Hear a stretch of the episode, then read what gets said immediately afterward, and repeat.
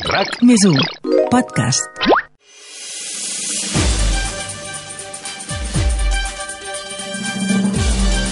RAC més 1 us ofereix 14F amb Adrià Santa Susanyi, la guia pràctica per les eleccions del 14 de febrer amb el suport de la Generalitat de Catalunya. Què tal, com esteu? Benvinguts a aquest nou podcast de la plataforma RAC més 1 dedicat a seguir i explicar-vos fil per randa tot allò que envolta les properes eleccions al Parlament de Catalunya, les eleccions del 14 de febrer. Aquestes, evidentment, no seran unes eleccions normals, no tindran res a veure amb les passades eleccions del 21 de desembre del 2017, ni pel context social ni pel context polític. Primer de tot, per la paraula que sona i ressona a totes hores i que està marcant les nostres vides, coronavirus. La pandèmia ho ha trastocat tot i veurem també com afecta aquestes properes eleccions. Podrem votar? Com podrem votar? On votarem? Serà millor que demanem el vot per correu? I què passarà amb els milers i milers de catalans i catalanes que viuen a l'estranger i que es troben cada vegada dins d'una odissea per poder votar? Coronavirus a banda, també estem en un moment molt complicat per la política a nivell mundial que afecta també directament a la normalitat d'una jornada electoral. Ho hem vist fa poques setmanes als Estats Units, en què el fins ara president dels Estats Units, sí, el president dels Estats Units, Donald Trump, s'ha negat a reconèixer els resultats electorals i ha acusat directament de frau electoral i de topinar de les eleccions. Això pot passar aquí a Catalunya? Quines garanties hi ha durant el recompte electoral? Tothom pot arribar a ser president de Catalunya? Aquestes i moltes altres preguntes les intentarem resoldre en aquesta sèrie de podcast des d'ara fins al dia de les eleccions. L'objectiu és ben simple, que vosaltres, els ciutadans, tingueu tota la informació veraç i totes les eines al vostre abast per poder votar amb totes les idees clares. No ens allarguem més, anem per feina i benvinguts a la cursa cap al 14F.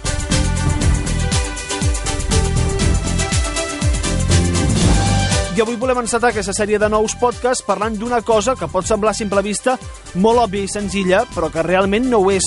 La pregunta que ens fem avui és tothom pot votar? Tothom pot exercir el seu dret a vot? Actualment, aquí a casa nostra hi ha sufragi universal. Vol dir que a priori no hi ha cap impediment per ningú per poder votar per raons d'ètnia, sexe, creences o classe social. Ara bé, el sufragi universal també té les seves limitacions a l'hora d'aplicar-lo i per això avui volem respondre a aquesta pregunta. Tothom pot votar?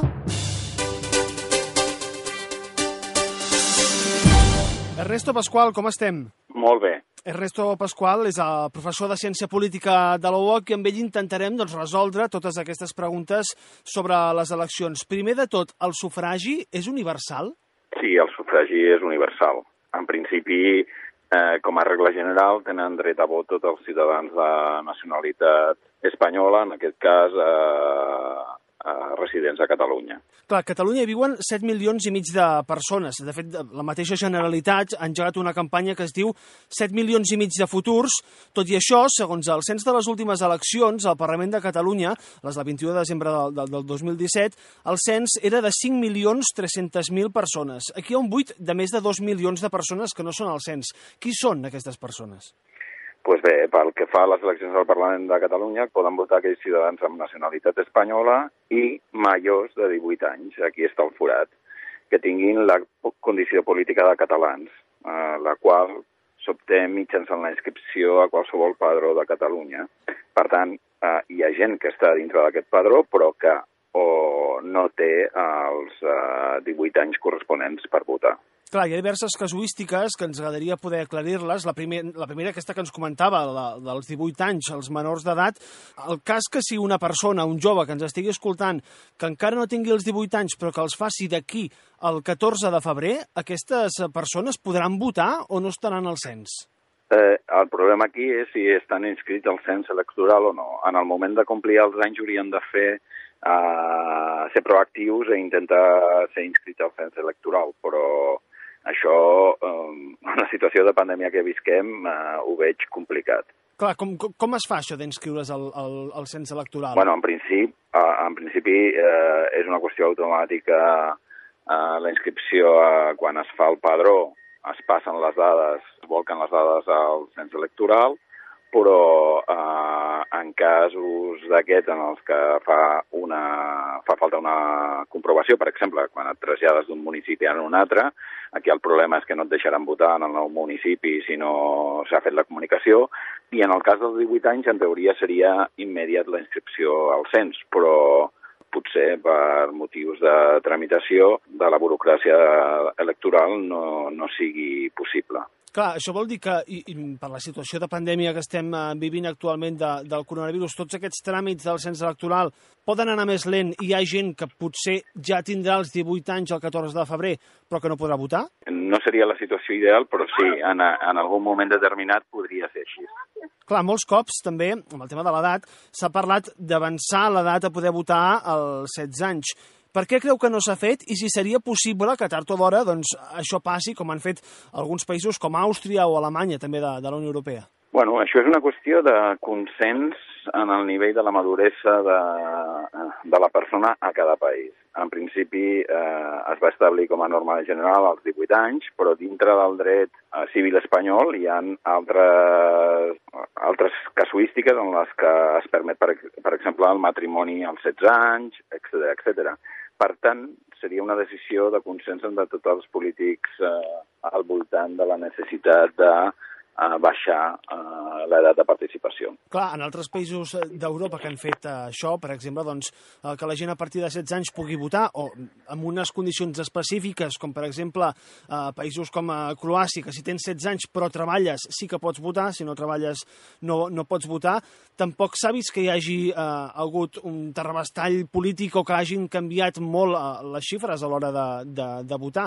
Per què aquesta reticència a avançar l'edat per votar als 16 anys? És un, una qüestió de que es té la idea de que el vot jove mm, és més progressista que el vot, eh, i concretament en el sistema espanyol està clar que el vot del PSOE i el PP i en, eh, en el sistema català també un vot eh, més eh, conservador en aquest aspecte, com era Convergència en el seu moment, i, eh, i el PSC són bàsicament de gent gran, aleshores eh, els, els partits instituïts. En canvi, es pensa que els joves votaran més progressista. Això eh, dona peu a que eh, tinguem eh, o tinguin pocs incentius per, per voler canviar l'edat. En canvi, com tu has dit, no està tan clar que la participació dels joves sigui tan gran, perquè quan fem enquestes sobre el seguiment de la política segons el rang d'edat, els joves són els més indiferents i això és un, un dels problemes que té el sistema polític. Aleshores, potser es baixa i la participació no és tan gran com podíem pensar i aleshores això no, eh, no canvia els resultats de les eleccions. Clar, per tant, és una qüestió de, de voluntat política. Tornant a, a les casuístiques de qui pot votar i qui no pot votar, les persones que tenen declarada una discapacitat per sentència judicial poden votar o no poden votar? Eh, una discapacitat per sentència judicial eh, depèn. Eh, eh, precisament s'ha fet una reforma ara en el sentit de poder millorar eh, la capacitat de vot d'aquestes persones discapacitades i dependrà del grau de discapacitat que es tingui i a la sentència ho dirà concretament si té dret o no té dret a això. No, pons, eh, no poden ser electors, eh, claríssimament, els presos condenats per sentència judicial a, a la pena de privació del sufragi ni els que estan declarats incap eh, incapaços en la sentència judicial ferma. Anem a un altre tema, el tema de les presons. Es pot votar a les presons? Es pot votar, el que, novament, si ha una sentència judicial posa que se li priva del dret al sufragi, tampoc es pot votar. Però els presos en si mateixos poden votar. El que passa és que si amb la seva condena a la sentència se li posa que hi ha privació del dret de sufragi, estan en el mateix cas que els incapaços. Anem al cas de, de, de les, els presos que tenen aquest impediment per sentència judicial. En quins casos? És a dir, en quin tipus de sentència o quin tipus de delictes eh, poden fer que treguin el dret a vot? Uh, poden ser, eh, normalment són delictes comesos contra l'Estat són els que porten privació del dret de sufragi. O sigui, estaríem sí. parlant, de, per exemple, de terrorisme, Ma, sí. rebel·lió, sedició, sí, tot això. Sedicions i tot això.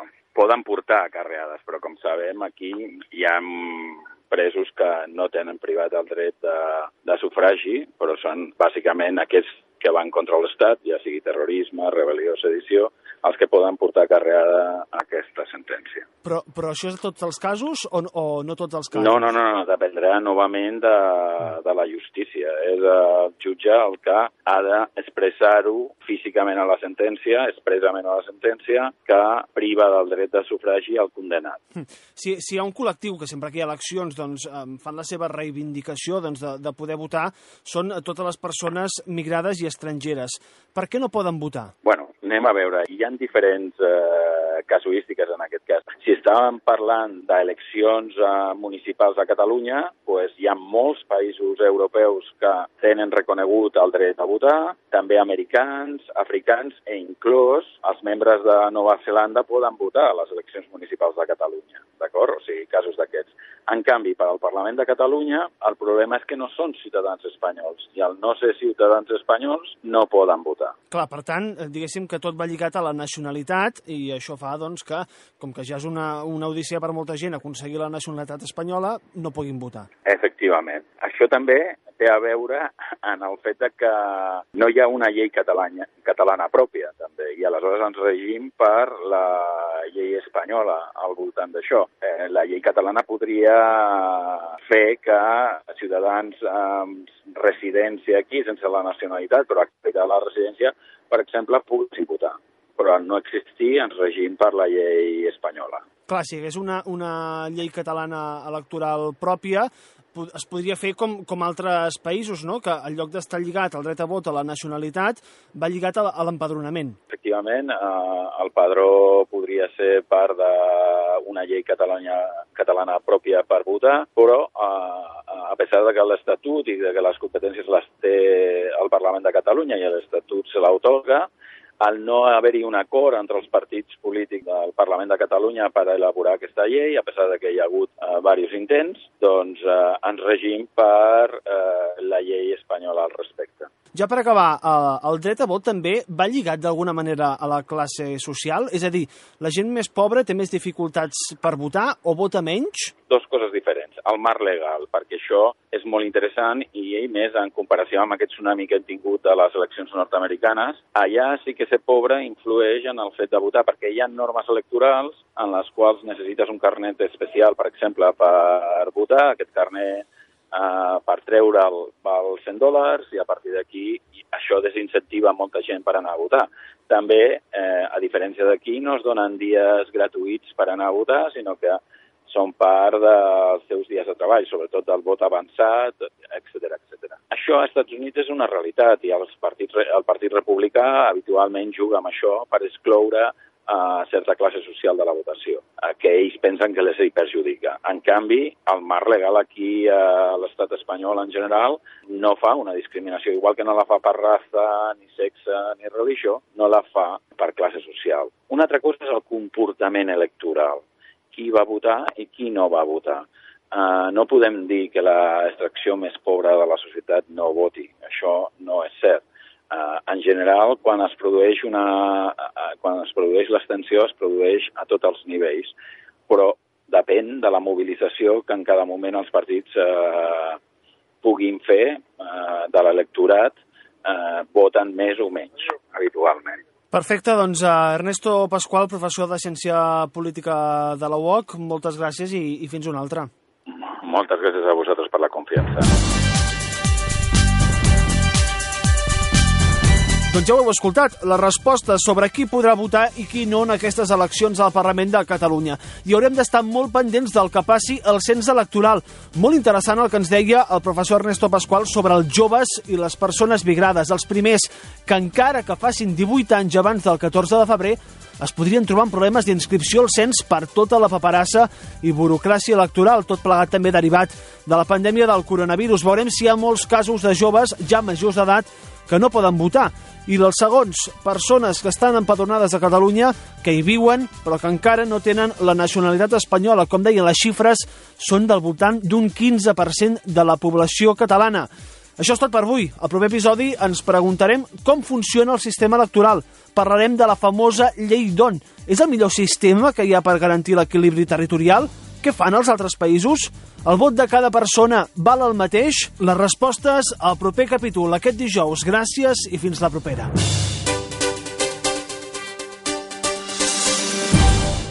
El 14 de febrer se celebren eleccions al Parlament de Catalunya. Davant la situació epidemiològica recomanem sol·licitar el vot per correu.